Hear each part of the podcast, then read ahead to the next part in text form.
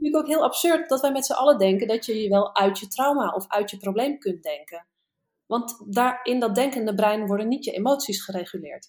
Dus dat kan helemaal niet. Hey, leuk dat je luistert naar Dit is 30. Voor deze aflevering over life coaching en EFT zijn we niet op locatie. Dat was wel de bedoeling, maar we zijn, ik, ik zei het al in mijn stories van de week, corona-volente. Helaas, het mocht niet zo zijn. Uh, we zitten gelukkig uh, gewoon goed op afstand en uh, daar zijn ook gewoon de technieken voor, dus dat is fijn. maar we nemen vandaag op met Maartje Strijbis. Maartje Strijbis is life coach en EFT-specialist. Nou, als je nu denkt, wat, wat blablabla, uh, mm. ga je in deze aflevering helemaal achterkomen. Wij in ieder geval uh, en jij gezellig met ons mee. En EFT staat voor? Emotional Freedom Techniques. Ja, techniques. Ja, ik had het zo opgeschreven, maar dat is dus inderdaad juist. Niet vraag hè? Nou ja, maar ik moest ook zeggen dat toen ik het ging googlen, kwam ik ook op relatietherapie? Dit is Emotionally focused therapy, dat is die andere EFT. En die verwarring is er vaak. Ja, ja nou ja, dat is dus uh, de, de eerste Google-sessie raakte ik ook meteen in verwarring. En toen dacht ik, mm-hmm. nee, ik heb inmiddels een aantal dingen van je meegekregen en volgens mij is dit niet nou ja, misschien werkt het wel met nee, relaties. weet niet wat ze doet. nee, dus toen dacht ik, dan is het vast die ander, Emotional Freedom Techniques. En dat is dus meervoud, begrijp ik? Ja, ja, ja. die wordt vaak vergeten, de laatste S. Dus dan um, dan ben ik natuurlijk zo'n trut die dan zegt: Oh ja, ik weet waar jij bent, op, bent opgeleid. Maar um, nee, dat, dat, is even heel flauw. Zo bedoel ik het natuurlijk niet. Maar um, het is een, uh, een hele interessante techniek, of uh, techniques, waar je heel veel mee kunt, maar die heel veel mensen heel oppervlakkig gebruiken. Oké, nou ja, we gaan daar uh, zo meteen niet oppervlakkig op in. Hopelijk. Maar eh, wil je jezelf in ieder geval even voorstellen en vertellen tot, nou ja, hoe je gekomen bent tot waar je nu staat? Ja, ik, ik ben dus Maartje, Maartje Strijbis. Ik um, ben nu EFT-specialist en life coach. Maar ik heb echt een, zeer woelige loop, loopbaan gehad. Ik ben echt ondernemer sinds mijn, nou, mijn zestiende, zeventiende. Echt mijn halve leven. Een, um, een cateringbedrijf gestart. ik werkte als chefkok eigenlijk toen ik al nog op de middelbare school zat. Dan deed ik alle feestjes van mijn docenten, uh, bakte ik taarten voor verjaardagen van kinderen van mijn leraren, nou, dat soort dingen. Dat bouwde zich later uit naar uh, de culturele sector eigenlijk. Dan deed ik nou ja, eten bij voorstellingen, dat soort dingen. En ik ging toen theaterwetenschappen studeren in Amsterdam. En daarbij werd ik een soort van half per ongeluk aangenomen op het conservatorium, waar ik zang mee ga studeren. Jazz heb ik daar gedaan. Wat echt een hele weirde tijd was. Um, en superveel geleerd, heel interessant. Ik heb dus lang uh, op het podium gestaan als, als zangeres. En daarnaast deed ik vocal, adem- en stemcoaching. Onder andere bij Toneelgroep Amsterdam. Verder freelance voor mezelf. Terwijl ik ook heel erg merkte in die tijd dat nou op het podium was eigenlijk helemaal niks voor mij. Maar ik wilde wel heel graag dingen maken. Verhalen vertellen. Echt liefde voor boeken, verhalen. Voor theater, dat is me echt met de paplabel ingegoten vanaf thuis, van vroeger. En ik fotografeerde altijd al. En dat kwam eigenlijk op dat moment weer een beetje naar boven. Na het conservatorium, uh, de jaren daarna, ben ik uh, fotografie meer op gaan pakken. Uh, daar eigenlijk via mijn netwerk, wat ik dus al in de culturele sector had ingerold, fotografieopleiding ook nog gedaan. en eigenlijk de afgelopen 10, 11 jaar voornamelijk heel veel gereisd. mooie commerciële klussen gedaan op verschillende plekken en daarnaast vrij werk gemaakt. geëxposeerd op mooie plekken, echt van nou ja, hele toffe projecten in. Eh, weet ik veel, echt Japan tot Jordanië, IJsland, noem maar op. Hele toffe dingen. En twee jaar geleden kwam dat opeens plotseling soort van... nou ja, allemaal natuurlijk tot stilstand. ik midden in de organisatie van een hele mooie groepsexpo in, in Engeland zat. Toen kwam en corona en mijn zoon weer ter wereld. Dus toen was het toch even een soort van, oké, radicaal alles anders. dus dat was best wel intens. Sowieso vond ik een kind krijgen al intens. Ik bedoel, beer is te gek, maar jezus, wat is het leven nu anders? Oh, eens, eens. Um, ja, toch? Ja. Nee, ik heb ook al even een klein beetje door de podcast heen geskipt natuurlijk met jullie. Dus ik heb wel het een en ander ook uh, van jullie meegekregen. Um, nee, dus dat vond ik al best... Uh, ik was natuurlijk altijd zo'n zwaar autonoom figuur wat, uh, waar, ja, deed waar ze zelf zin in had. En gewoon op reis, op avontuur gaan. En dat uh, werd helemaal anders. En ook natuurlijk door corona, uh, de culturele sector, die is gewoon gesloopt. Dat uh, kunnen we nu natuurlijk wel helemaal vaststellen. Maar dat begon ja. Ja. mijn fotografieklussen droogden totaal op. Ehm, ik heb nog, nou ja, een, een podcast gehost over fotografie. Daar interviews voor gedaan het afgelopen jaar. En verder, nou, qua klussen is het gewoon, was het gewoon nada. Dus ik ben echt gaan denken van, fuck, wat, uh, wat ga ik doen? Ik bedoel, dit trekt vast wel weer een keer aan. Maar toen uh, kwam toch ook mijn aloude kriebeltje van, ha, een vijfde, zesde studie zou ook nog wel kunnen. Zal ik toch nog psychologie gaan studeren? Nou, dat werd me toch wel een klein beetje te gortig na alles wat ik al gedaan had. Dus toen uh, ben ik me een beetje gaan verdiepen. En toen ben ik naar de, de open dag om, uh, om doula te worden geweest. Toen dacht ik, oh vind ik kleine kinderen en baby's nou echt zo leuk dat ik dit... Wat lijkt me hier nou zo leuk aan?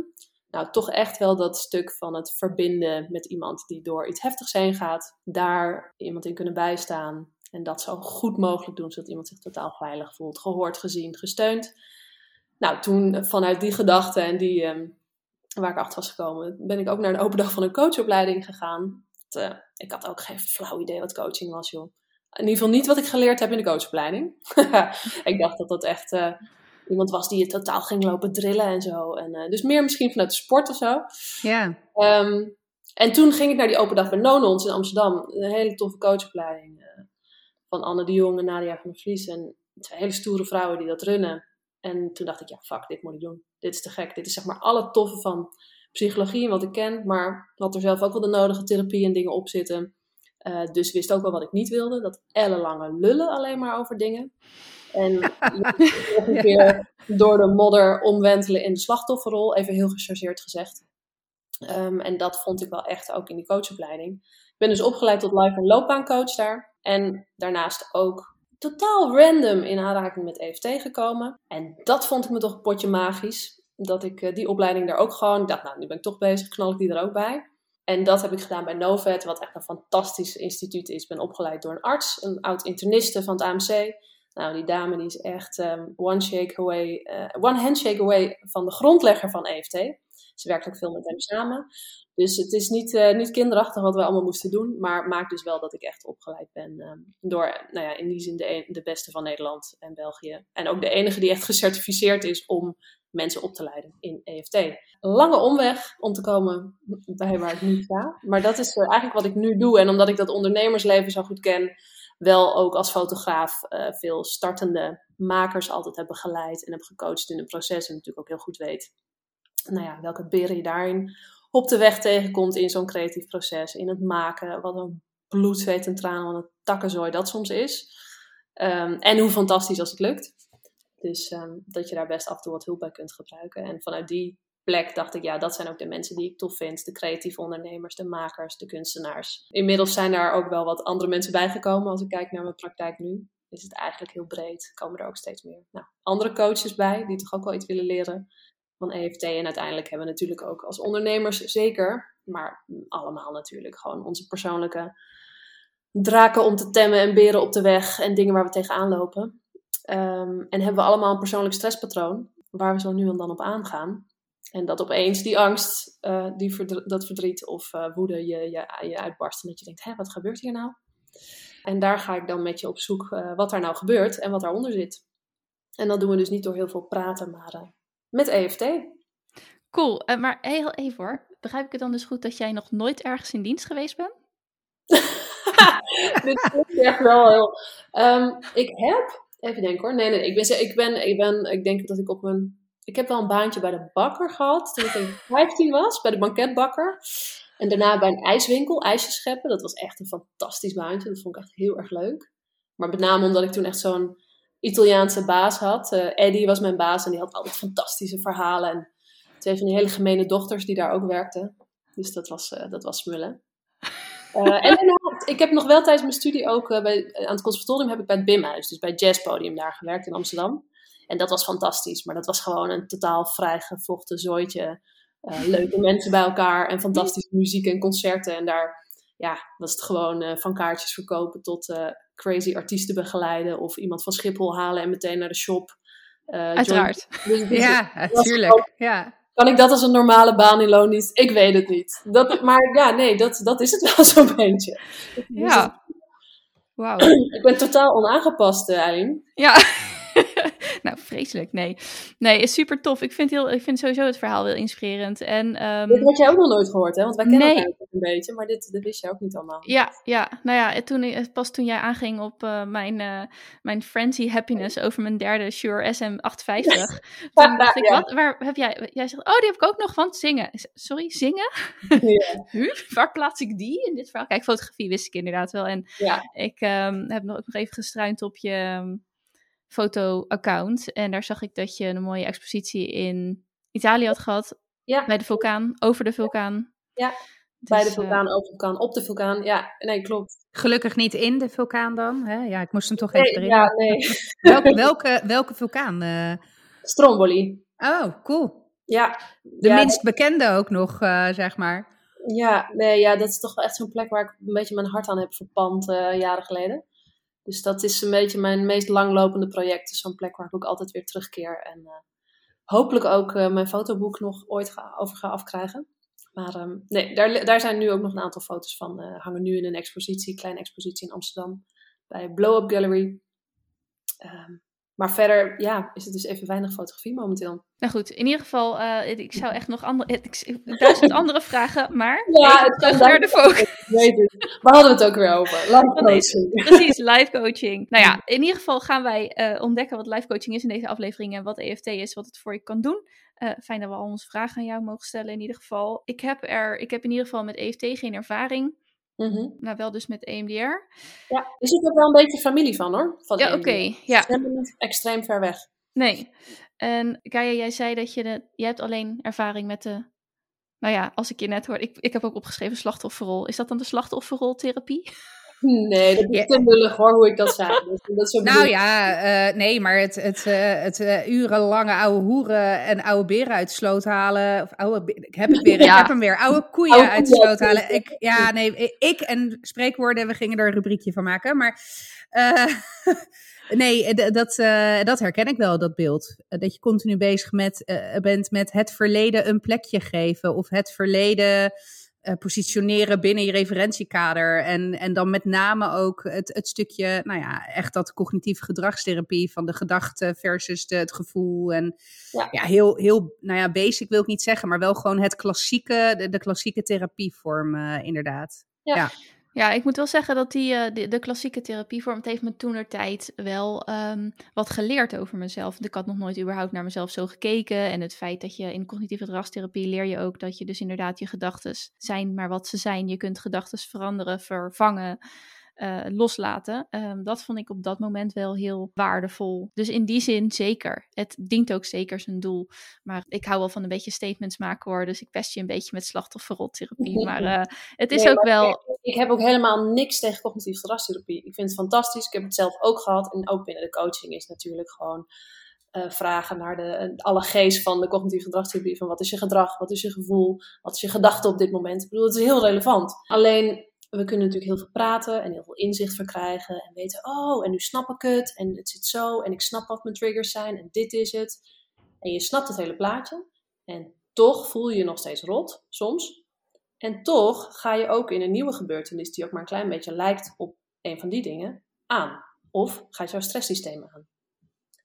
En daarin vind ik EFT dus heel erg effectief. Zou je dan zeggen dat dat een aanvulling is op? Um, nee, eigenlijk niet omdat je eigenlijk met, en dat is een beetje de discussie ook binnen EFT wel hoor, van, maar misschien loopt nu al het zaak vooruit hoor, met cognitieve gedragstherapie en dus met praten en praten over wat je hebt meegemaakt, zet je weer een heleboel stress aan. Je legt weer een heleboel bloot.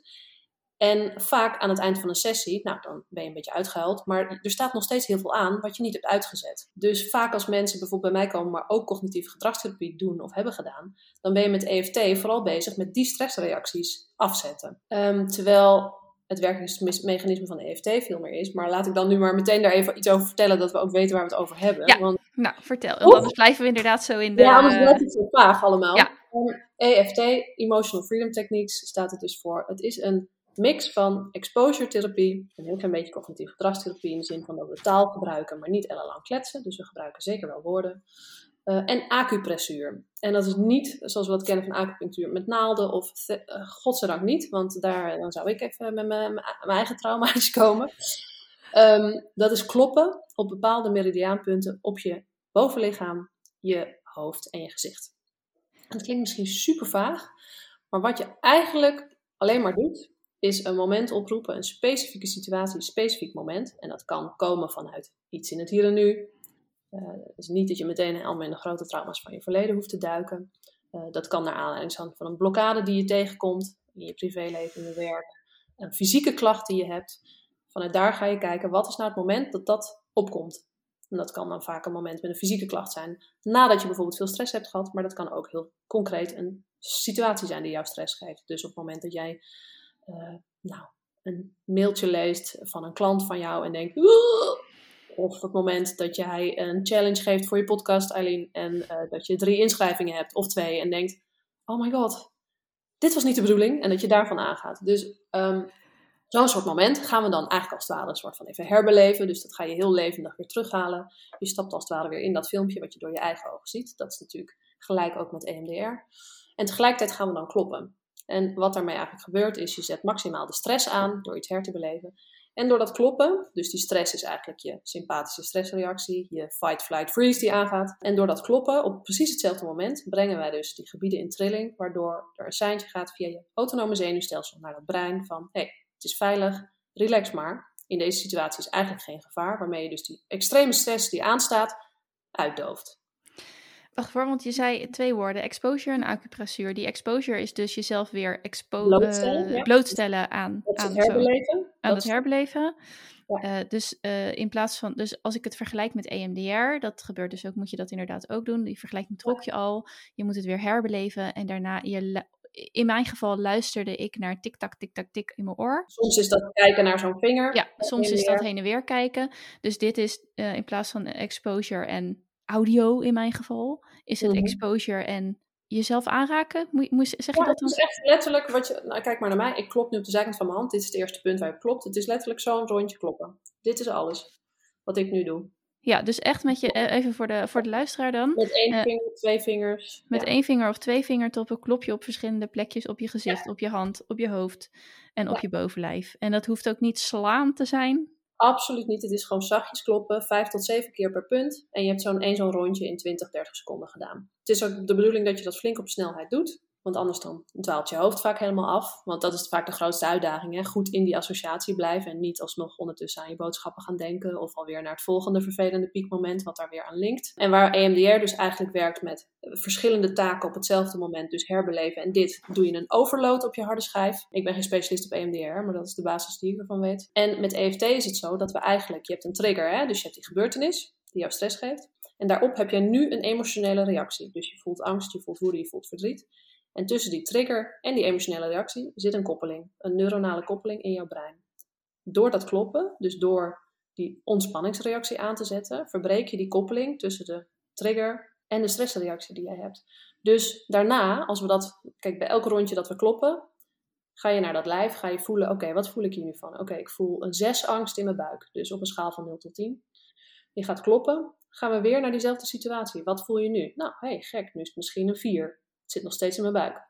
We werken totdat het nul is. En dat is ook echt heel belangrijk, hè? want anders er zitten heel veel aspecten natuurlijk aan een situatie. Een situatie, alle sensorische input die binnenkomt bij jou, dus wat je ziet, wat je ruikt, wat je hoort, uh, wat je voelt, wat je proeft. Al die kleine stukjes worden gecodeerd opgeslagen in jouw lange termijn geheugen. Dus je weet nooit bij een volgende situatie wat er weer getriggerd wordt. Want het is natuurlijk gewoon één grote kaartenbak. Als die uh, informatie binnenkomt via jouw zintuigen, dan wordt dat nou ja, geschakeld uh, naar jouw amygdala. Dus dat is zeg maar de rookmelder van je brein. En die bepaalt is het veilig. Die scant constant die omgeving en vergelijkt met alles wat in de database zit. Dus het is daarom heel belangrijk om echt al die aspecten van zo'n herinnering, van zo'n moment wat jou stress heeft gegeven, op te ruimen.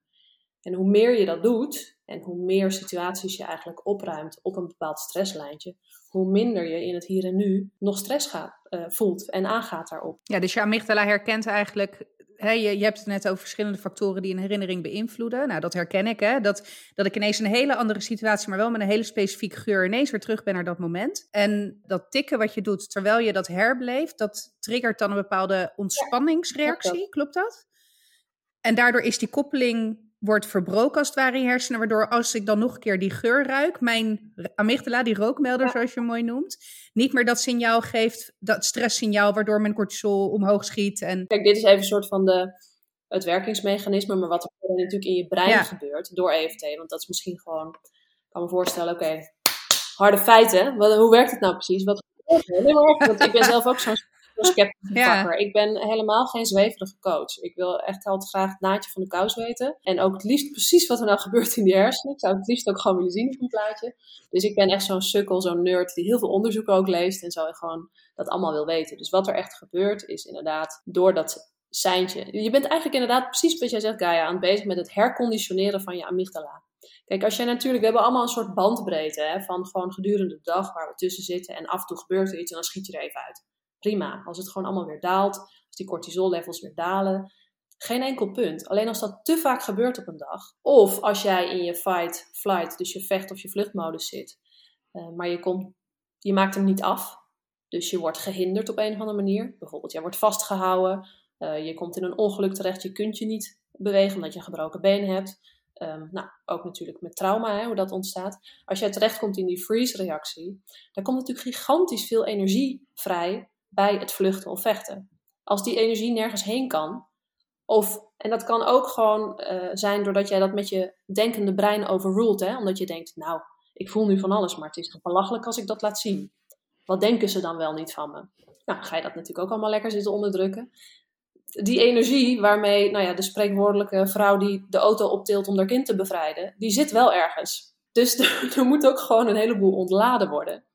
Want anders dan blijven die stresshormonen maar gaan en blijft die amygdala maar vuren. Dus dat is wat we doen. Het herconditioneren, zodat die, als je te vaak in die staat van hyperarousal eigenlijk terecht komt, dat die nullijn weer een beetje naar beneden gaat. Ja, dus dat je weer binnen die bandbreedte komt, zeg Absoluut. maar. Ja. ja, want anders, kijk, dat is natuurlijk ook een recipe voor burn-outs, ziektes. Ja, nee, zeker. Ja. Ja, want, want waarom is het slecht om in de hyperarousal te blijven? Nou, omdat dus inderdaad dan constant dat signaal gevaar, gevaar, gevaar. Dus er worden constant dan stresshormonen aangemaakt. Adrenaline, noradrenaline, cortisollevels blijven hoog. Als dat niet daalt, dan ga je dat merken omdat je allerlei fysieke klachten krijgt. Je krijgt waarschijnlijk ook slaapproblemen. Dus hier, zo ontstaan dus echt op lange termijn echt uh, ziektebeelden. Ja, het is echt letterlijk niet goed voor je lijf. Ja, nee, het is uh, echt letterlijk niet goed voor je lijf. Um, door met te veel emotionele dingen rond te blijven lopen. En wat er ook gewoon dus met EFT, als je dat dus gaat doen, hè, dus eh, neem even heel gemiddeld een uurtje EFT bij mij, of als je het zelf doet, want dat is een groot voordeel, ook ten opzichte van EMDR. Dat je... Oh, dit was inderdaad ook nog een vraag die ik heb uh, staan. Ja, kan iemand het ook zelf? Ja. ja. Als je bij mij een intake doet, dan is dat een van de eerste dingen die ik je leer. Hoe kun je het zelf doen?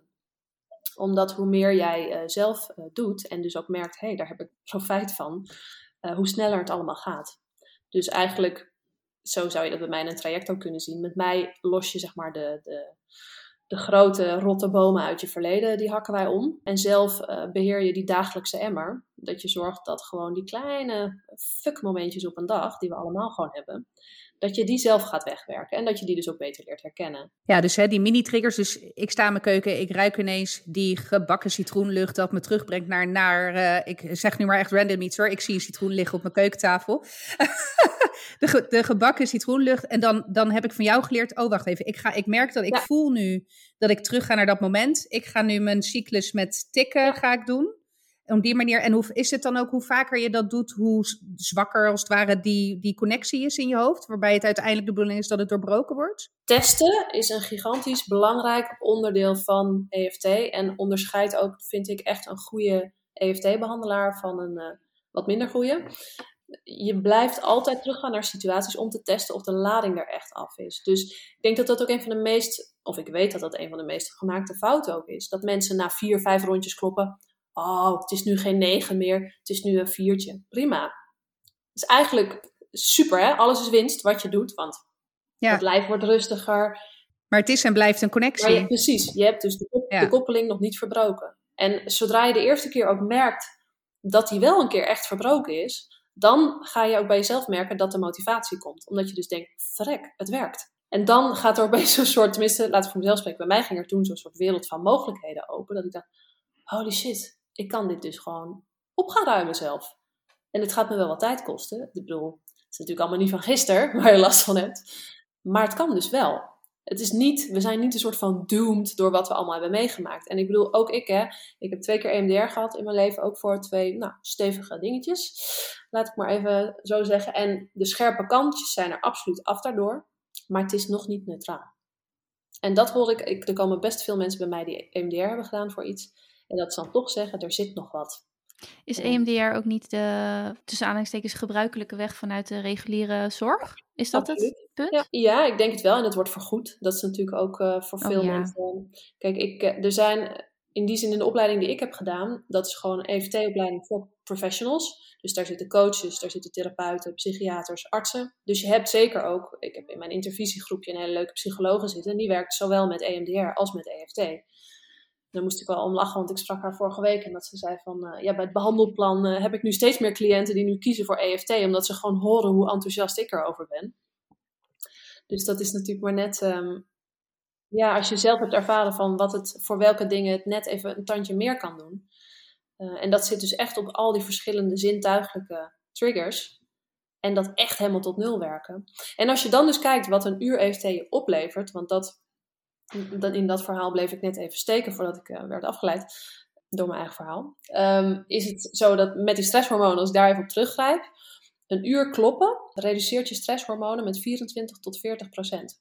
Dus dat is behoorlijk. Als je dat vergelijkt met bijvoorbeeld een uur even een dutje doen, dat is een reductie van 14 procent. Maar wacht Dus- even, dus zeg maar, ik, dus z- mm, hormoonlevels schieten omhoog. Dat gaat, ik weet er niet zo heel veel van hoor. Dat kan Nee, binnen dit een split Dit is second zijn ze. gelinkt ook aan je, dus je, je fight, flight, fight reactie. Ja. Dus op het moment dat er huh, stress, gevaar, je stressreactie is je fight, flight, freeze. Ja, Dus dat dus dan die- en wat in daarbij- mijn lichaam is in een split second mijn levels zijn. Nou ja, en dat is niet het enige wat gebeurt. Hè? Want je kent het wel, toch? Dat je, er gebeurt iets en je voelt, oké, ik krijg een droge mond. Eh, het lijkt alsof het bloed wegtrekt eh, uit mijn hand. Nou, dat is ook zo, want al het bloed gaat op dat moment naar jouw grote spieren toe. Want je wordt klaargemaakt om gewoon te gaan rennen of om te gaan vechten. Het is allemaal echt, je oerbrein neemt het gewoon over op zo'n moment. Dan kunnen wij natuurlijk nog zo goed denken en praten en redeneren. Maar op het moment dat er gevaar dreigt, dat oudste stuk van je brein neemt het direct over. En dat gaat echt, dat het verschil is echt, je denkende brein gaat met 60 bits per seconde. En je onbewuste brein gaat met 11,2 miljoen bits per seconde. Dus nou, daar is niet tegenop te denken. nee, dus daarom is het natuurlijk ook heel absurd dat wij met z'n allen denken dat je je wel uit je trauma of uit je probleem kunt denken. Want daar, in dat denkende brein worden niet je emoties gereguleerd. Dus dat kan helemaal niet. En toch, hè, want dat, dat stukje wat je daarnet zei ook over vergoeding, dat triggerde me heel erg. Want blijkbaar is wel nog steeds die, die eh, nou ja, hardnekkige overtuiging dat dit soort technieken in de alternatieve hoek Ja. eh, geschaard worden. En dus inderdaad niet vergoed worden. Hè, of eh, in zelfs sommige gevallen er een bepaald stigma aan, aan, aan kleeft. Terwijl als je dit nu zo schetst, alleen al die vergelijking tussen de snelheid waarmee hè, het, je, je reptiele brein of je, hè, je, je, je oerbrein ten opzichte van je. Het is echt bizar. eh, eigenlijk ook wel krankzinnig dat we daar dan nog steeds op die manier toch naar kijken. Naar dit soort technieken. Want het is ook echt een techniek. Het, het is, ja. Ja, nou ja, en hij wordt ook ontzettend veel gebruikt. Kijk, ik vertelde natuurlijk net al, ik ben zelf opgeleid door een arts. Die eh, veel wetenschappelijk onderzoek heeft gedaan, die de medische wereld erg goed kent. Maar die toch op een gegeven moment haar eigen receptenboekje aan de wilg heeft gehangen. En haar BIG-registratie heeft laten verlopen. Omdat zij dit dus ook bullshit vond. En ehm, ik heb daar ook geregeld gesprekken met haar over, want zij is ook nog steeds een supervisor voor mij. Ook over van ja, ik merk dat zelf ook, dat ik ehm, zeker als iemand die zelf wetenschappelijk is opgeleid en gewoon, je wil ook niet in de hoek van de gekkies eh, zelf terechtkomen, ehm, constant toch ook bezig ben met het, het verhaal vertellen en je toch ergens een beetje verdedigen of het in ieder geval heel goed Ja. willen leggen.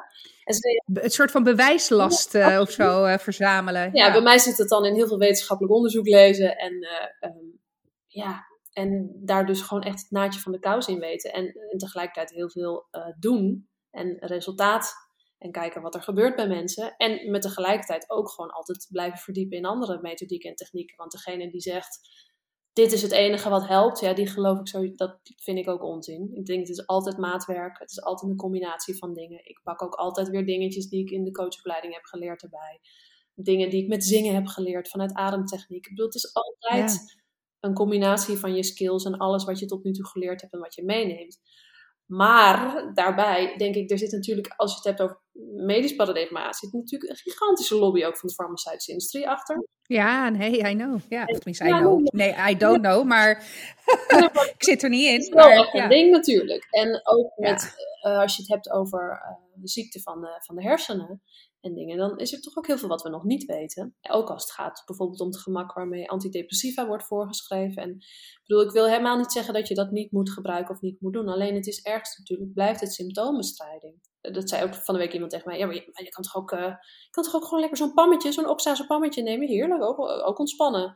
Ja, tuurlijk kan je lekker zo'n pammetje nemen om te ontspannen. Alleen dan blijf je dat tot het einde der dagen doen, want je bent een pleister aan het plakken. Dus dat is meer mijn punt. Ehm, ga je je shit aankijken en ga je dus de boel opruimen, zodat dat onderliggende stresspatroon opgelost wordt. En er dus ook niet meer dingen aangaan in de toekomst. Tuurlijk wel als er echt gevaar dreigt. Ik bedoel, het is niet dat je amygdala stuk gaat. Hij wordt alleen even anders afgesteld. Ehm, en Ik zie het, de, de triggers ja, sorry, ik zie het al helemaal voor me. Dat je zeg maar in je, je huis staat om je heen in de fik en jij zit zo te kloppen. ja, nee, Nee, dat, zo werkt het dus niet. nee, dat Er altijd nieuwe- Ja. nieuwe triggers, nieuwe trauma's bijkomen. Maar het is wel, als je gewoon kijkt wat er ligt aan onderzoek. Het is een hele grote studie geweest, ik geloof met iets van 5000 mensen, waarin cognitieve gedragstherapie en EFT worden vergeleken. En daar kwamen wel interessante dingen uit. Dat qua resultaten het ongeveer gelijk uitkomt. Alleen werkt EFT eh, ongeveer vijf keer zo snel. Dus je hebt met drie sessies EFT ongeveer net zoveel resultaat al als met 15 sessies cognitieve gedragstherapie. Dus ja, wat zou dat kunnen betekenen voor wachtlijsten binnen de GGZ? ja, nou, inderdaad. Bijvoorbeeld, hè, om maar eens iets te noemen. En ook als je... Kijk, en- Ja, sorry. Ik, Nee, geeft niet. Nee, ik wou zeggen- Ik kan hier echt van alles. Nee, het, het was meer, weet je, het een hoeft het ander ook absoluut niet uit te Nee. sluiten. Ik, ik ken voorbeelden van situaties waarin psychofarmaci eh, levens hebben gered in de acute fase. Ja. Alleen die acute fase blijft niet eeuwig. Althans, dat is natuurlijk je hoop. En daar, daar in, in dat stukje daarna, hè, inderdaad, als je het hebt over traumaverwerking. Ja. ehm, ja, daar is ook, vind ik, vanuit in ieder geval de reguliere ja, markt, wou ik zeggen, het is natuurlijk geen markt, maar vanuit de reguliere gezondheidszorg heel weinig. Of misschien niet heel weinig. En ik denk wel dat er echt een shift is, ga- gaande is, maar wel ehm, te weinig, laat ik het dan maar zo omschrijven, eh, aandacht voor. Want inderdaad, weet je, we zijn heel snel van het pilletje au over. Of je het nou hebt over inderdaad eh, eh, psychische problemen, maar ook met hoofdpijn, weet je wel. Ah, ik doe er paracetamoletje in. ja. Maar dat is al je, je basishouding, Ja. zeg maar. Nou ja, en ik ben helemaal niet iemand die tegen jou gaat zeggen of die vindt je zou geen antidepressiva moeten slikken of zo. Hè? Dat is absoluut ook mijn punt niet. Ik denk iedereen moet gewoon echt voor zichzelf beslissen waar hij zich eh, comfortabel bij voelt, prettig bij voelt. Of een methodiek of een pilletje, wat, wat voor jou werkt. Ik merk alleen dat ik me er zelf prettiger bij voel, omdat ik dat ook ontdekt heb met al die dingen die ik zelf ook heb geprobeerd. Dat dit voor mij heel goed heeft gewerkt en dat ik ook dat bij mensen om mij heen die al erg lang bijvoorbeeld met depressies of angsten kampen, dat het heel veel kan kan oplossen en daarmee dus echt structureel oplossen. Wat je natuurlijk ook weer daarmee een, ge- een gevoel van regie over je eigen leven, je gedachten, je overtuigingen, je emoties teruggeeft. En dat is natuurlijk eh, veerkracht die je ook traint daarmee. En dat is eh, iets wat we allemaal natuurlijk gewoon sowieso wel kunnen gebruiken. Ja, is ehm, EFT, eh, om heel even plat te slaan, alleen bruikbaar bij als je een trauma, groot of klein, hebt? Nou oorspronkelijk komt het inderdaad vanuit traumatherapiehoek. En je bent het meest effectief met EFT bezig als je op specifieke situaties werkt. Daarmee lost het onderliggende stresspatroon op. En puur en alleen omdat die triggers en alles hoe het gecodeerd is opgeslagen, dat komt vanuit een specifieke situatie. Dus je moet ook terug naar dat moment waar het ontstaan is om dat op te lossen. Ja. En dat is denk ik ook een van de, wel een van de gevaren en wat ik ook in coachland dan veel zie. En zonder anderen te, te bashen daarin. Kijk, veel mensen doen een keer een dag of een weekend een cursusje. En dan gaan mensen vaak werken alleen op wat ze voelen. Als in de emoties die ze voelen. Of de overtuigingen die ze hebben. En dan gaan ze daarop werken. Ja, dat is veel te algemeen. Dat is veel te... Dan ben je eigenlijk een beetje in de lucht aan het slaan. Want dat lost helemaal niks op als je dat maar een beetje niet koppelt aan momenten. En dat is wel wat veel gebeurt. En dat is eigenlijk een beetje hetzelfde als met werken op ehm, fysieke klachten. Dat is super effectief. Weet je, als jij pijn hebt nu en je gaat erop kloppen, dan vaak gaat die pijn ook weg. Ook omdat er met dat kloppen, dus die activatie, ook endorfine vrijkomen. Dus dat is je natuurlijke pijnstiller. Dus er gebeurt van alles waardoor je dat ook eh, oplost. Alleen ook daarmee los je het onderliggende stresspatroon niet op. Dus het zijn ook weer korte termijn pleisters, net als even een aspirintje nemen. Wat ik nu uit jouw verhaal begrijp, is dat je, je, moet, hè, je moet het echt bij de bron aanpakken. Hè? Je moet Mhm. echt, echt naar, de, naar de oorzaak. Ja. Maar ik denk dat er ook heel veel, eh, als je het hebt over hè, je, het, het aanpakken van, van bepaalde overtuigingen. Ik denk dat best wel veel mensen zich bewust zijn van, van belemmerende overtuigingen. En dat ze dus vanuit die hoedanigheid, als ze daaraan willen werken, dan de stap maken, oké, ik kies voor coaching. Ja. Stel me dan zo voor dat ik dan bij jou kom hè, met een vraag van, joh, ik heb eh, deze belemmerende overtuigingen die mij tegenhouden om mijn beste ik te zijn. Ja. Is dat dan het stukje coaching dat je dan eerst tot de oorzaak komt en dan die oorzaak pak je dan aan bij EFT? Ik probeer zeg maar een soort van zo lekker heel pragmatisch. Heel leuk. Het Een soort van blauwdruk die voor iedereen. Ja, dat is er natuurlijk niet. Nee, ja, ja, tuurlijk. Ja, het spijt me, Gaia. Nee, het is echt werk. Maar wat ik wel eens in algemeenheid eh, over een proces van verandering natuurlijk kan zeggen. Ehm, kijk, vanuit de coachopleiding zou ze zeggen dat wat ik nu doe, absoluut niet is wat je doet met, doet met coaching. In principe, als je onder die nullijn zit, als je, in de zin van wil je ergens vandaan of wil je ergens naartoe en iemand wil ergens vanaf, dan is het eerder nou ja, dat je iemand naar een psycholoog doorstuurt. Dus als, je, als het gaat over mensen die toch meer aan de depressieve kant zitten, dan ga je niet coachen. Waarom niet? Ja, omdat dat vanuit coachingoptiek, ehm je gaat dan, dat is niet je, da- daar ben je niet toe bevoegd, daar ben je niet toe opgeleid. Ah ja, je bedoelt met een nullijn van ik kom ergens en ik wil ergens naartoe, dat kan je wel. Maar als je al problematiek ervaart en je wil naar de nullijn, is dat niet jouw plek als coach. Ja, dan Oké. ben je eigenlijk, moet je dan doorverwijzen. Zo heb ik het geleerd hè, in de coachopleiding. ja, ja, ja. ja. En daar ben ik het tot op zekere hoogte ook. Kijk, als ik niet ook de, de EFT-opleiding had gedaan en dus specialistisch met trauma had leren werken, dan zou ik dat ook zeggen. Want ik denk dat er heel veel coaches, nou ja, sowieso natuurlijk ook zonder opleiding zijn. Er zijn heel veel mensen natuurlijk die vanuit eigen ervaring coachen. En dat, ik bedoel, iedereen moet doen wat hij wil en iedereen trekt denk ik ook de klanten aan die daarvoor zijn en de mensen die daarop afkomen. Eh, voor mij zou dat niet werken als coach. Ik wil dat ook niet. En ik wil mensen ook geen gouden bergen beloven die ik niet waar kan maken. Of waar zij zelf uiteindelijk eh, na een half jaar weer met de gebakken peren zitten. Want, eh, nou ja, Gaia vroeg net om een blauwdruk. nee, ik had Ja. inderdaad ook opgeschreven, hoe ziet, Ja. hoe ziet een sessie eruit? Wat kan iemand verwachten? Ik kom bij jou voor een live coaching sessie. Ja. Wat gebeurt er dan? Nou, dan doen we eerst een intake. We gaan echt kijken, wat is, jouw, wat is jouw hulpvraag? Dat is het eerste ook wat we doen. Gewoon van, hoe is het met je? Wat is je hulpvraag? Waar sta je nu? Eh, en waar wil je staan als wij klaar zijn? Dus Ja. we gaan echt kijken, waar wil je naartoe? En is dat ook een beetje reëel? Is dat haalbaar? En nu redeneer ik even vanuit, gewoon vanuit live Ja, ja, coaching. ja, Dus ja. In de coaching. En dan- dat jij dat net ook zei, Gaia, van ik heb ook wel dat gehad in gewoon een zakelijke context. Ik begeleid ook mensen die in een burn-out zitten. Ik bege- begeleid ook binnen bedrijven gewoon mensen. Het is niet dat ik alleen zeg maar in de coachwereld coach, want dat is toch op de een of andere manier lijkt dat weer een beetje een ander wereldje te zijn, hè, vaak. En dat dat ook weer andere coaches zijn dan de mensen die dan eh, bij de bedrijven coachen of zo. Maar het gaat natuurlijk allemaal over processen van verandering. En daar zitten gewoon verschillende fases in. Als je kijkt van oké, waar sta ik nu? Wat is mijn doel? Zit er natuurlijk altijd eerst een fase van bewustwording. Wat is er eigenlijk gaande? Of die ben je al voorbij en je weet dat. Maar daarin eh, ga ik natuurlijk niet verzinnen voor jou wat jij moet of wil gaan doen. Dat mag jij zelf eh, bepalen. En ik vraag dan en ook, oké, wat gaan wij doen? Heb je behoefte op dit moment om wat meer te duiken in, hoe komt dit nou? Waar zit het? Eh, om meer te gaan begrijpen. En na die fase komt eigenlijk, oké, ik weet nu hoe het zit. Ben ik klaar om verantwoordelijkheid te nemen? Ik heb een keuze te maken. Daar zitten vaak ook wel dilemma-opdrachten bijvoorbeeld bij. Van oké, moet ik dit spoor op of ga ik de andere kant op? Wat wil ik hiermee? En durf ik ook regie te nemen? Kan ik regie nemen of wat heb ik daarvoor nodig? Heb ik een skill te leren? Heb ik een vaardigheid te ontwikkelen? Uh, Moet ik beter leren communiceren? En dat hangt natuurlijk vanaf op welk gebied het zit. Heb je het over werk-privé-balans of heb je het over een assertiviteitstraining? Ik bedoel, dit is natuurlijk een heel breed spectrum, zeker gewoon in het bedrijfsleven, waar mensen komen met specifieke coachvragen die toch wel redelijk in categorieën in te delen zijn. De een is te lomp, de ander is niet assertief genoeg, uh, de andere, iemand heeft geen focus of kan niet plannen. Uh, dus time management, perfectionisme. Er zijn best wel gewoon wat grote thema's die je vaak terug hoort. En vervolgens is de laatste stap eigenlijk gewoon actie, actie, actie doen. En daar zit natuurlijk ook weer dat expo exposure stuk. Welke acties kan ik voor mezelf verzinnen om de situatie waar ik nu in zit, waar ik niet zo blij mee ben, te veranderen?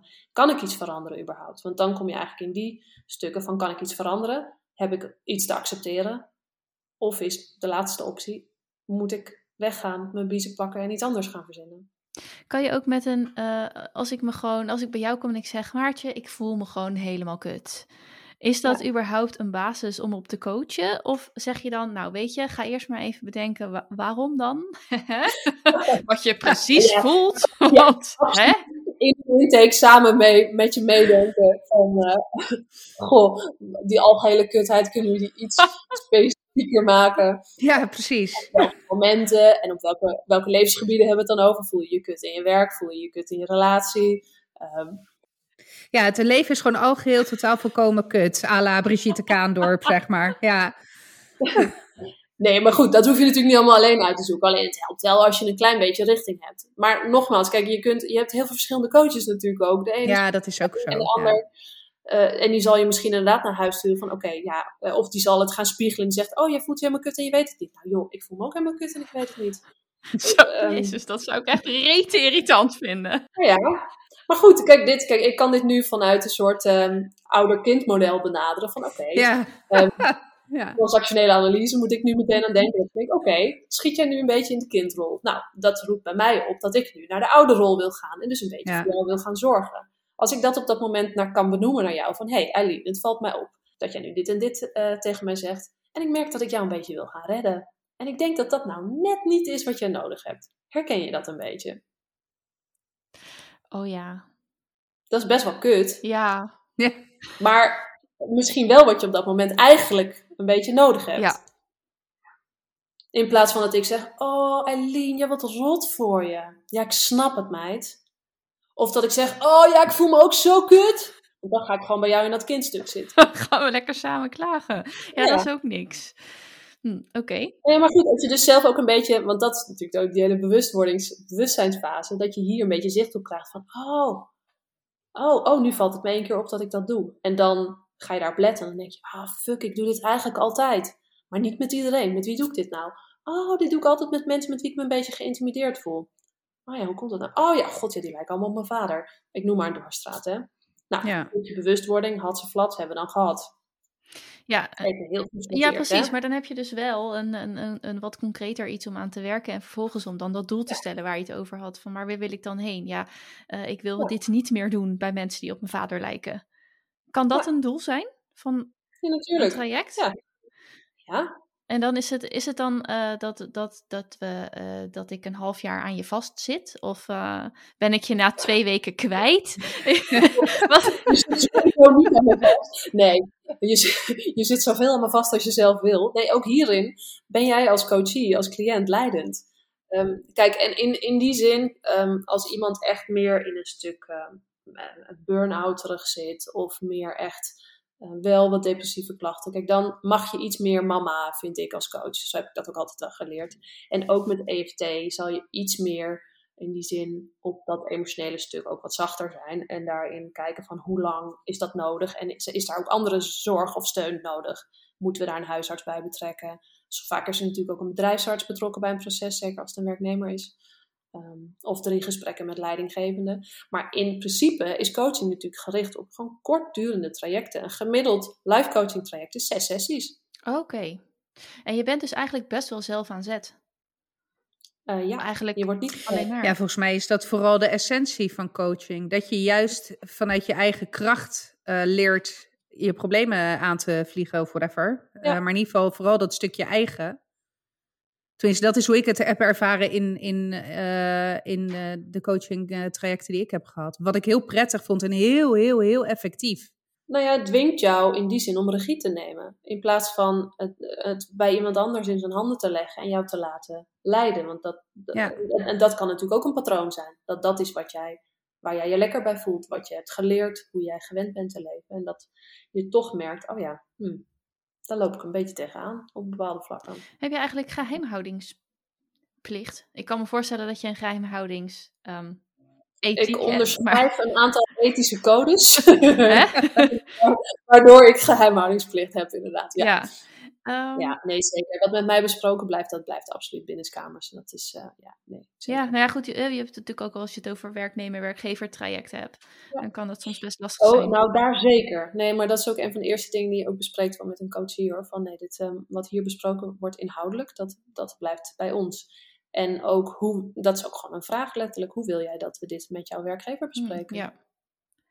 En dat, ja, dat doe, herken ik. en dat doe ik ja. ook nooit zonder de werknemer erbij. Dat, ehm, Wanneer in een mensenleven heb je life coaching nodig? Preventief. Wat vind je daarvan? ja, oh, ik ben wel heel benieuwd hoe jij bij deze vraag bent gekomen. Nou, ik probeer eh, mijn, eh, nou, eh, persoonlijk ben ik, probeer ik tegenwoordig steeds, nog steeds verder te leren om een vraag van verschillende kanten te, te bekijken. Dus daar kwam die eigenlijk vandaan. Maar toen ik daarover na ging denken, dacht ik, ja, je, eigenlijk zou je, dat weet ik niet, maar mij lijkt het dat als je, zeg maar, het kan ook een vorm van self-care zijn, bijvoorbeeld. En het kan misschien problemen voorkomen die zich voordoen. Of als je één keer in de zoveel tijd even een check-in hebt over die, eh, over die regie, over die eigen verantwoordelijkheid. Dat je zegt van nou, eens in het jaar, dat je gewoon eventjes een aantal coaching sessies ingaat. Om weer gewoon heel even die, ja, je, je, je nog beter op het rechte spoor te zetten of zo. Ja, ja ik denk in een, over het algemeen in een coachtraject zie ik wel dat ik in het begin mensen vaker sneller achter elkaar zie dan bij de latere sessies. Dus dat probeer je in die zin ook wel te doen om op een gegeven moment sowieso wat meer tijd in te bouwen. Ehm, dat iemand dus. Kijk, het echte werk zit natuurlijk niet in de sessie met mij. Het echte werk zit tussen de sessies in, waar je het zelf Ja, doet. ja. Dus het gaat ook natuurlijk, gaat dit voor een heel groot deel over nieuwe gewoonten bouwen. En hoe moeilijk dat eigenlijk is. Omdat wij gewoon voor 90, 95 procent op dat onbewust gestuurde brein varen. Dus een nieuwe gewoonte, iets echt anders gaan doen, is hartstikke moeilijk. Dus ik denk dat je vooral als coach ook ondersteunt bij die processen. Hoe kunnen we nou al jouw systemen zo uh, op zijn plek zetten dat jij dit vol gaat houden? Wat heb jij nodig op het moment dat het dreigt mis te lopen? Dat jij weer in je valkuil dreigt, die jij nu heel goed met die rode lap heel goed ziet, na dat stuk van bewustwording. Hoe kan ik je helpen om dat zelf anders te gaan doen nu? Maar het klinkt dus ook inderdaad alsof je dit ook eigenlijk gewoon kan doen, zonder dat je al helemaal hè, je kut voelt. Of in de put zit. Of Nee, ergens joh, tegenaan bent gelopen. Live coaching hoef je zeker niet naar de kloten te zijn. Nee hoor, dat, je hebt mensen die zeggen, je, in principe kun je altijd een coach hebben. En dat, uh, dat, dat, nou, daar kan ik me best in vinden. Ik heb nu, sinds ik hiermee bezig ben, zelf ook wel steeds verschillende mensen bij wie ik dingen doe. Nou, ik zou ook niet zeggen dat ik nu uh, zwaar naar de tering ben. Helemaal niet. Um, dat helpt mij enorm om, uh, om me te ontwikkelen in een aantal dingen. Maar je hebt ook mensen die zeggen... Mijn opleider van een coachopleiding zou bijvoorbeeld zeggen... Nou, je moet ook wel heel goed kijken aan het eind van een coachtraject. Is het niet iemands patroon dat iemand wil blijven inchecken met jou? Dat dat lijntje nodig blijft. Dus hm. eigenlijk ben je constant de hele tijd scherp op allerlei verschillende dingen. In principe prima, hè, Eileen, dat wij één keer in de twee maanden inchecken. Of is dit jouw patroon en kunnen we daar nog even naar kijken? Dat je het liefst een lijntje wil houden, omdat je toch erg bang bent dat je het niet alleen kunt. Wauw. Ja. Oh, scherp, ja. Scherp. Dus coaching is eigenlijk vet irritant, want het is een enorme spiegel. Het is echt, ja nee, echt. Ja, het is, het is Ja. echt een mindfuck, ja. En dat is met EFT, moet ik zeggen, wel een klein beetje anders hoor. Dat is in die zin iets vriendelijker, wou ik zeggen. Maar dat, Ja, maar het pakt ook twee hele verschillende thema's aan, die, zich, die elkaar wel kunnen complementeren, maar ook compleet los van elkaar kunnen bestaan. Ik, ik doe niet met iedereen met wie ik EFT doe ook coaching dingen. Uh, maar ik merk dat ik het vaak het een in het ander integreer. Ja, daar kan ik me voorstellen. Of toch ook vaak dat je bij mensen, zeker op het stuk bewustwording of zo, opeens toch op een trauma stuit. Of iets wat is weggestopt. Iemand, iemand zegt, holy shit, hier heb ik twintig jaar niet aan gedacht. Ja, dit is waarom ik hier last van heb. Nou ja, dan is het natuurlijk ontzettend fijn dat ik die EFT tot mijn beschikking heb. En dat we dan twee, drie sessies dat kunnen doen. En dan kun je weer door op dat proces van verandering. En kijken, oké, okay, lukt het me nu wel om deze hindernis te nemen? Nu dit uit de weg is geruimd, deze blokkade, kan ik nu voor mijn gevoel wel verder. Nou ja, en ik kan me ook voorstellen dat iemand, nou ja, ik kan me voorstellen, ik heb het zelf gehad. Ik heb anderhalf jaar met PTSS-klachten gelopen, terwijl ik niet eens door had dat ik niet goed, uh, nou ja, dat ik mentaal ziek was, zeg maar. Want wat merkte jij? Waar had jij last van? Constant uh, onrust, gejaagdheid, modus. Uh, maar heel praktisch was het. Ik, had, ik was toen tekstschrijver, dus nou ja, dan ben je bezig met teksten schrijven, uitwerken. En dan heb je ook wel eens een interview. Um, had ik om half vier 's middags een interview, wat geen enkel probleem hoefde te zijn. Maar vanaf negen uur s morgens kon ik kon het niet loslaten, omdat ik het gevoel van tijd... Ik durfde niet te vertrouwen op mijn gevoel van tijd. Dus het is... En het, ik kon het niet snappen waarom ik om negen uur al. Kijk, als het om kwart over drie is, dan snap ik dat je de tijd even in de gaten houdt dat je om half vier klaar zit. Maar, maar negen, weet je wel, dus dat heel praktisch dat. En eh, heel veel gejaagdheid, eh, heel veel, eh, heel snel huilen. Heel veel, Ja. heel snel huilen. en ook echt alles was te veel. Als iets maar niet in, weet je wel, je kon alles dicht regelen. Maar als er dan iets anders gebeurde, dan was ik gelijk compleet all over the place. Kon het niet meer aan. Ja. Ja. Dat is moeilijk met een baby. Nou ja, het kost ook heel veel energie hè, om dit soort dingen. Dat, het zit dan op een gegeven moment staat het je tot aan de lippen. Om dat er dan allemaal nog onder te houden. Dat kost gigantisch veel energie. Ja, maar je hebt op de een of andere manier ook niet. niet je, je moet, als je het dan over bewustwording hebt, dan heb je een, in ieder Mm. geval al een deel be- bewustwording. Eh, hoe noem je het? Gaia, jij neemt dat vaker. eh, hoe heet dat nou? Die vier. Bewust, bekwaam, bewust Ja, of dus, eh, onbewust. Om, ja, de bewust, bekwaam, onbewust. Om, nou ja, die vier. Dat je in ieder geval bewust wordt van dat het überhaupt een probleem is dat je je zo voelt. Ja, dan ga je naar bewust onbekwaam, naar die fase. Hè? Je weet wat die rode lap is, maar je hebt nog geen idee wat je met die rode lap moet doen. Ja, Nou ja, en dat is ook waar je met coaching hè, op een gegeven moment uitstapt. Want dan eh, eh, word je onbewust een beetje kwa- bekwaam. En dan totdat je weer hierboven aan dat dal zit, bewust bekwaam. En tussen die Ja. twee stap je uit met coaching in principe. Dus op het moment dat het nog een beetje spannend Ja. toch is, maar je ook wel weet, oké, ik weet nu hoe ik het moet doen. En het is natuurlijk nooit een lineair proces. We zouden natuurlijk allemaal wel willen dat zo... zo ja zou heel fijn zijn. ergens zo en hier stap je ergens uit en dan gaat het nog een keer zo en dan weer zo en dan en zo blijft het natuurlijk. Dus het is eigenlijk, ik zie het zelf ook altijd meer als gewoon een soort van je toolbox, je persoonlijke toolbox vullen. En dat doe ik ook altijd in een laatste sessie, een soort EHBO-kit van oké, stel nou, je staat weer daar voor diezelfde Ja. opgave, diezelfde blokkade, diezelfde drempel. Wat heb je nu bij je waardoor je het aan kunt vliegen? Wat kun je doen op dit moment? Wat heb je nu geleerd? Wat zie je nu anders? Welke cognitieve shifts heb je gemaakt? Welk ander gedrag heb je vertoond? Dus eh, zeg maar, onderdeel van een coachtraject is bij mij ook altijd dagelijkse dankbaarheid bijhouden en successen vieren. En dan, daarmee bedoel ik dan echt successen richting jouw doel, richting jouw hulpvraag die we in het begin hebben gesteld. Ehm, en dan dus niet dat andere mensen zo blij zijn dat jij het doet, maar dus echt dingen die jij zelf anders bent gaan doen dan voorheen. En die echt goed zien en goed vieren. En succes kent daarin dan ook vier fasen. Hè? Van dus echt het, wat ik net noemde van, hey, oh shit, ik doe dus dat. Eh, tot, ehm, oh, ik doe dit vaker. Dat zijn al de eerste twee fasen van een bewustwordingssucces. En die vieren wij, altijd.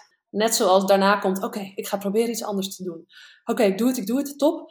Ah, fuck, ik heb niet het resultaat wat ik wil.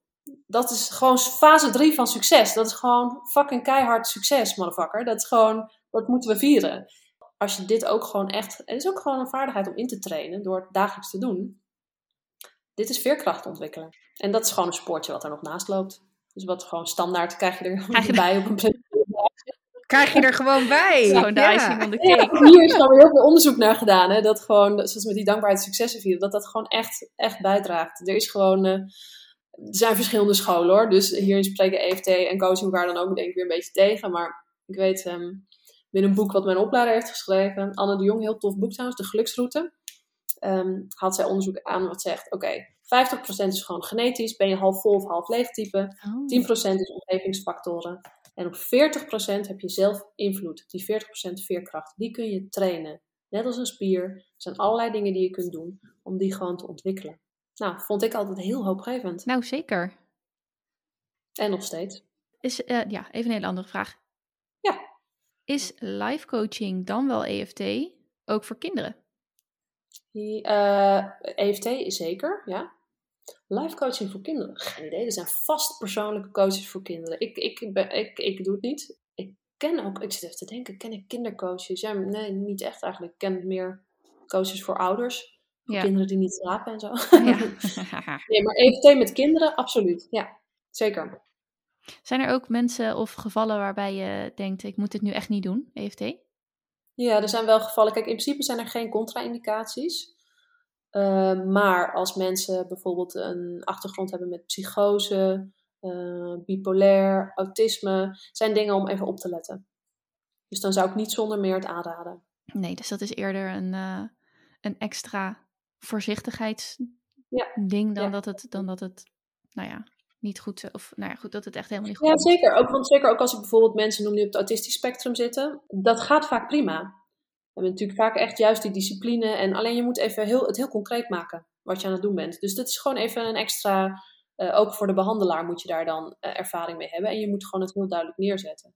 Maar uh, zeker die andere twee dingen die ik net noemde, daarin zou ik het niet zonder meer, eh, en zeker niet zelf, zonder behandelaar gaan doen. Dus echt in overleg met een goede specialist, iemand die weet wat hij aan het doen is. Ja, want de ene behandelaar, dat gaf je ook al eerder aan, de ene behandelaar is de andere niet. Ik denk dat dat, het, dat, dat ook wel een, een issue is uh, in de beroepsgroep coach. Hè? Dat er, er zijn geen uh, certificeringen of, of het is niet bij nou heb ik ook nog wel... Het is geen beschermd beroep. Nee, precies. Dus, uh, dus ik denk dat dat wel, wel uh, belangrijk is. En daar, daar was ik nog wel naar op zoek van, nou ja, stel hè, want ook, ook bijvoorbeeld met kinderen vind ik ook super, super interessant. Ja. Uh, maar hoe weet ik, hoe weet ik in godsnaam of ik aan het goede coachadres ben? Dat vind ik heel lastig, ja. want... Snap ik heel goed, want dat, dat is ook lastig. En het is ook als het geen beschermd beroep is. Kijk, er zijn natuurlijk ik heb ook, toen ik die coachopleiding ga doen, echt wel een coachopleiding uitgezocht die gewoon geaccrediteerd is. Dus wat betekent met het diploma dat ik heb behaald, dat ik gewoon me bij de beroepsvereniging, de NOPCO, ja. uh, kan daar kan aansluiten en dus dat dat een keurmerk is. Waardoor jij weet, als jij dat stempeltje ziet staan op mijn eh, website of bij de NOPCO op de site, dat je gewoon weet, oké, die heeft in ieder geval een opleiding gedaan. Uh, en die heeft ze ook uh, een diploma van gekregen en afgemaakt. Dus zou goed genoeg moeten zijn om in ieder geval Um, kijk, het zijn natuurlijk ook coaches echt een vaardigheid, ook vaardigheden die. Het is niet, er zijn vast mensen die het hartstikke goed kunnen op eigen ervaring of ervaring binnen het bedrijfsleven whatever. Maar het is wel een vak om te leren. Denk ik zeker nu ik het zelf echt ja. uh, ook op die manier. Hey, en, en moet je, uh, is voor jou onontbeerlijk dat er een klik is met je coachie? Of vanuit de coachie richting de coach? Of is dat een, een, uh, een fabel? Um, ik, ik, denk dat het wel fijn is. Um, maar ik zou zeggen dat bij EFT belangrijker is dan uh, met reguliere life coaching. Want net hoe ik een beetje irritant tegen Eileen aan het spiegelen was als coach. ik denk dat het wel ergens heel goed is als je je coach niet te aardig vindt. Want ook dat kan natuurlijk weer een, een, patroon van jou zijn. Dat je het liefst vriendjes wil worden. Of je coach voor je wil winnen. Of dat dat, en daarin kan dat natuurlijk bij de coach net zo goed een patroon zijn. Dat je dat altijd doet met je coaches. Dus dat zijn gewoon twee kanten op, overdracht en tegenoverdracht. Wel dingen om wel degelijk op te letten. En met EFT, kijk, het is ook, dat is echt wel, je gaat natuurlijk dan veel lichaamsgerichter te werk, omdat je echt gaat kijken, oké, en we gaan iets herbeleven wat heftig is geweest voor jou. Um, en we gaan echt voelen van, oké, waar voel je dat nou in je lichaam als bij jou die stressreactie aangaat. Dus het is een iets, vind ik, een iets kwetsbaarder proces, wat heel persoonlijk is. En daarin zeg ik zelf ook wel altijd bij de intake van voel echt ik voel me nooit aangevallen of dit voor jou een match is. Want dat is gewoon heel belangrijk. Want ook, kijk, je werkt altijd, juist omdat je dus niet zo ellenlang gaat zitten lullen en verhalen gaat zitten vertellen, werk je echt met wat het onderbewuste jou geeft. Um, dus wij kunnen op een ogenschijnlijk kleine situatie werken. Maar als jij, um, om maar even een voorbeeld weer van jou te nemen, Eileen, daar de associatie hebt naar iets wat bijvoorbeeld linkt aan jouw traumatische bevalling. En jij vertrouwt mij eigenlijk niet als jouw behandelaar op dat moment en durft het daardoor niet te zeggen, omdat jij schaamte voelt, omdat jij denkt, begrijpt het toch niet. Um, omdat ik misschien dingen heb gezegd die jij lomp vond, ik noem maar iets. Hè. Dat is best wel een balans. En daarom zeg ik ook altijd, als ik nou dingen zeg die voor jou echt onzin zijn, die poep zijn. Kijk, we doen dit samen, hè. vul mij aan. Um, verbeter mij. Het is garbage and gold. Het kan twee kanten op. En ik prik natuurlijk ook om zo snel mogelijk bij die kern te komen. Maar wel alleen maar vanuit vertrouwen en veiligheid. En ik denk met een coach, natuurlijk, die moet je in de basis ook vertrouwen, maar dat mag ietsje minder veilig zijn dan met zo'n EFT-wandeling. Trouwens, ja, ontzettend. En de grap is dat ik, als ik kijk naar de aanname die ik had gedaan, had ik het eerder andersom verwacht, omdat vanwege het technische aspect van EFT. Dus dat ik denk mm. dat het, maar hoe je het nu schetst, met betrekking tot inderdaad het, het kwetsbaar, hè, je, je bent op je kwetsbaarst snap ik eh, volledig je bloemlezing over hoe belangrijk het is uh, ja. om, om dat vertrouwd te hebben. Het vergt overigens ook wel, als je het hebt over een, een, traject wat je samen doet, het vergt ook wel een, een stuk kwetsbaarheid vanuit de coach. Ja. Richting je coachie. Hoe ga je daarmee om? Hoe zie jij die kwetsbaarheid? Nou ja, je, je geeft aan van, van joh, als ik het niet goed doe, of hè, je hebt, eh, het is garbage or gold, dus hè, het is direct wat je samen oppakt. Je moet daar tegen kunnen. Als, nou, nou hoop ik dat je daar tegen kunt als coach. anders heb je misschien niet het goede beroep gekozen. Maar dat is wel, het kan heel confronterend ook zijn. En en ook, weet je, hoe scherm je daar jezelf ook voor af op een bepaalde manier? Hè? Want je hebt coach, maar het beroep coach definieert jou niet als persoon. Dat is de misvatting die we als werkende mensen heel vaak maken. Dat wat we doen, wie we zijn, definiëren. Uh, maar dat is voor een coach, omdat het zo intiem inderdaad kan zijn. Nou ja, ik weet niet hoor, maar voor mijn gevoel zou dat een extra vraag en ook een leuke vraag. En ik krijg ook een, wel, in een beetje een variant hiervan wel vaker zo van... Oh, vind je het dan niet super heftig om met al die trauma's van mensen te dealen en die heftige dingen? En kijk, mijn dag ziet er heel gevarieerd uit. Ik ben niet de hele dag op zware trauma's aan het werk met mensen, helemaal niet. Dus gisteren ook had ik ochtends had ik iemand met weekend burn-out coaching zit. En daarna gewoon echt twee hele zakelijke blokkades. En eind van de dag nog een soort energieding. Wat echt gewoon een bang om mensen af te stoten. Dus dat was wel weer iets persoonlijks. Maar dat is heel gevarieerd gewoon gedurende de dag. Waarbij de ochtend heel praktisch coachend was. En de middag echt super diep met EFT. Op ja, hele persoonlijke blokkades. Ehm, dus die afwisseling maakt dat het niet zo zwaar wordt. En tegelijkertijd, kijk, als ik met jou werk, ik klop mee hè, op mezelf ook. Oké. Dus ja, kijk, daarmee versnel ik. Dat eh, werkt heel mooi, want daardoor ga ik, ik, hoe zeg je dat? Ik neem het zelf niet mee daardoor. Want ik klop alles meteen zelf ook af. Maar ik, daarmee op de een manier steun, ondersteun ik ook jouw proces met energie, met wat ik zelf doe. En dat is ook een soort punt wat ik zelf ook nog, waar ik denk ik nog heel erg zoekende en lerende in ben. Omdat ik denk dat er ook veel EFT mensen zijn die daar nou, ietsje zweveriger op het energiestuk in zitten. Ehm, en daar nou, kom ik nu pas een beetje in dat ik daar dat ook een beetje wil gaan geloven dat het toch wel echt zo werkt. Um, en heb je het dan over bepaalde energietrillingen die je dan samen elkaar versterken of zoiets, zeg maar? Ja, ja. Echt, dat er dus ook veel EFT'ers die bijvoorbeeld surrogaat werken voor een ander op afstand. Nou, dat vind ik echt nog zo bizar zelf, bijvoorbeeld. Ja. Dus ja. Uh, hoe? En, dat, en nou ja, ja precies. Dus um, ouders die voor kinderen kunnen werken als er een probleem is, uh, die dus kloppen op het probleem van hun kind. Uh, ik heb het laatst toevallig voor het eerst in een grote sessie, dus met meerdere mensen, dat we voor één iemand werkten die op een andere plek was. Um, en die wist wel dat wij in dat uur ergens iets gingen doen voor haar.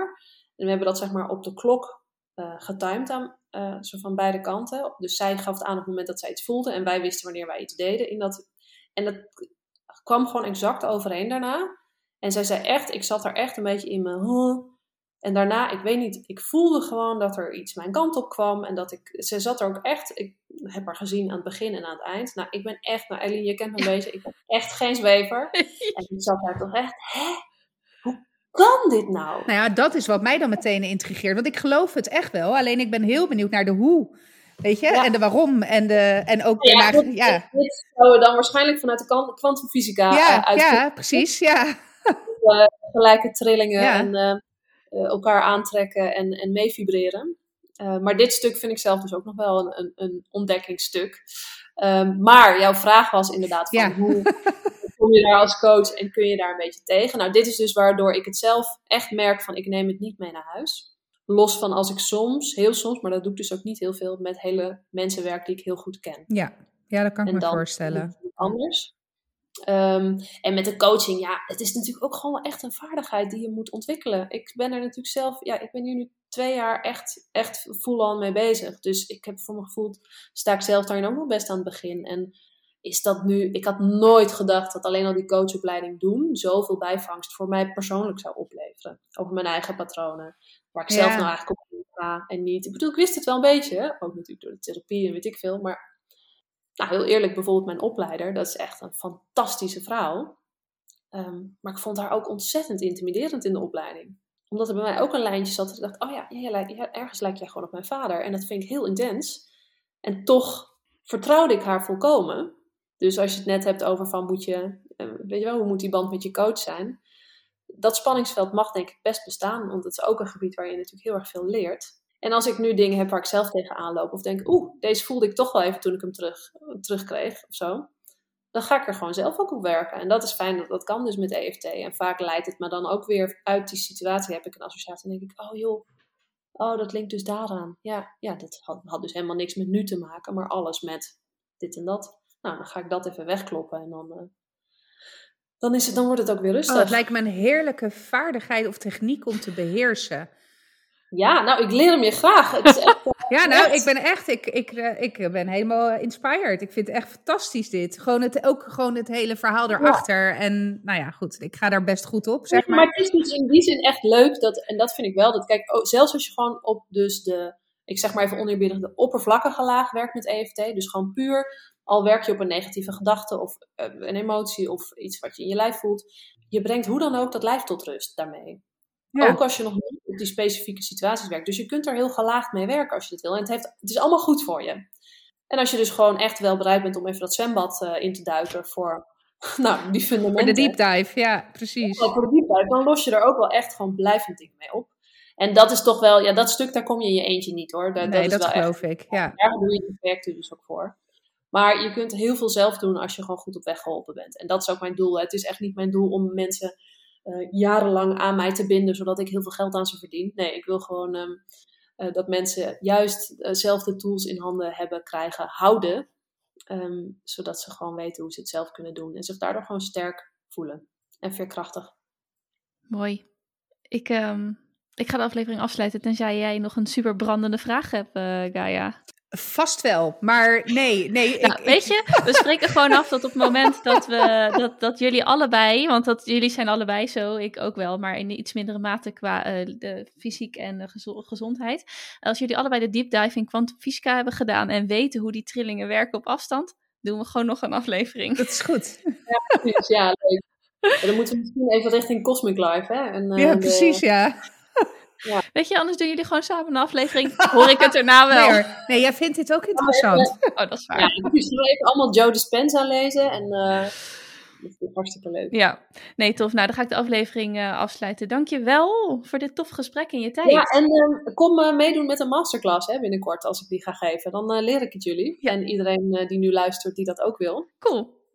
En ook, uh, als ik dan het even mag, uh, mag vermelden, mocht je denken, ik uh, heb wel dingen en daar wil ik iets mee, ik, ik help graag of ik, ik, denk mee over wat een oplossing zou kunnen zijn. Of dat nou bij mij is of bij iemand anders, maar dat... Alright, nou ja, we gaan natuurlijk link naar je website en dergelijke en we hebben heel veel leuk. mooie dingen gehoord in de show notes opnemen en in de de nieuwsbrief die tegenwoordig echt... Ik stuurde het nog naar Gaia van de week, jongens. Die nieuwsbrief die is echt on. Dat is het wordt een goed ge- deze wordt sowieso goed gevuld met uh, allerlei uh, mooie boeken, links, websites. Ja, ja, ja, ja zeker. Wetenschappelijke teksten. Um, nou ja, oh, wil je ongetwijfeld. Ja, nou, als je van mij nog tips of dingen nodig hebt, wat dit betreft, Heel graag, heel graag, ja. Heel erg leuk dat jullie me hebben uitgenodigd. Ik vond het echt uh, heel leuk om uh, met jullie te kletsen. Ik heb het gevoel dat ik echt alleen maar in mijn eentje aan het woord ben geweest, ongeveer de hele tijd. Maar, uh... Nou ja, we hebben jou ook helemaal um, ondervraagd, dus dat, dat, dat is helemaal zoals het moest zijn. Wil je als luisteraar reageren, mail dan even naar ditis30.gmail.com. En we nemen alle links op in de show notes en in de nieuwsbrief. Bedankt voor het luisteren, lieve luisteraar. En um, je hoort ons volgende week weer. Doei doeg! Doei! Doei!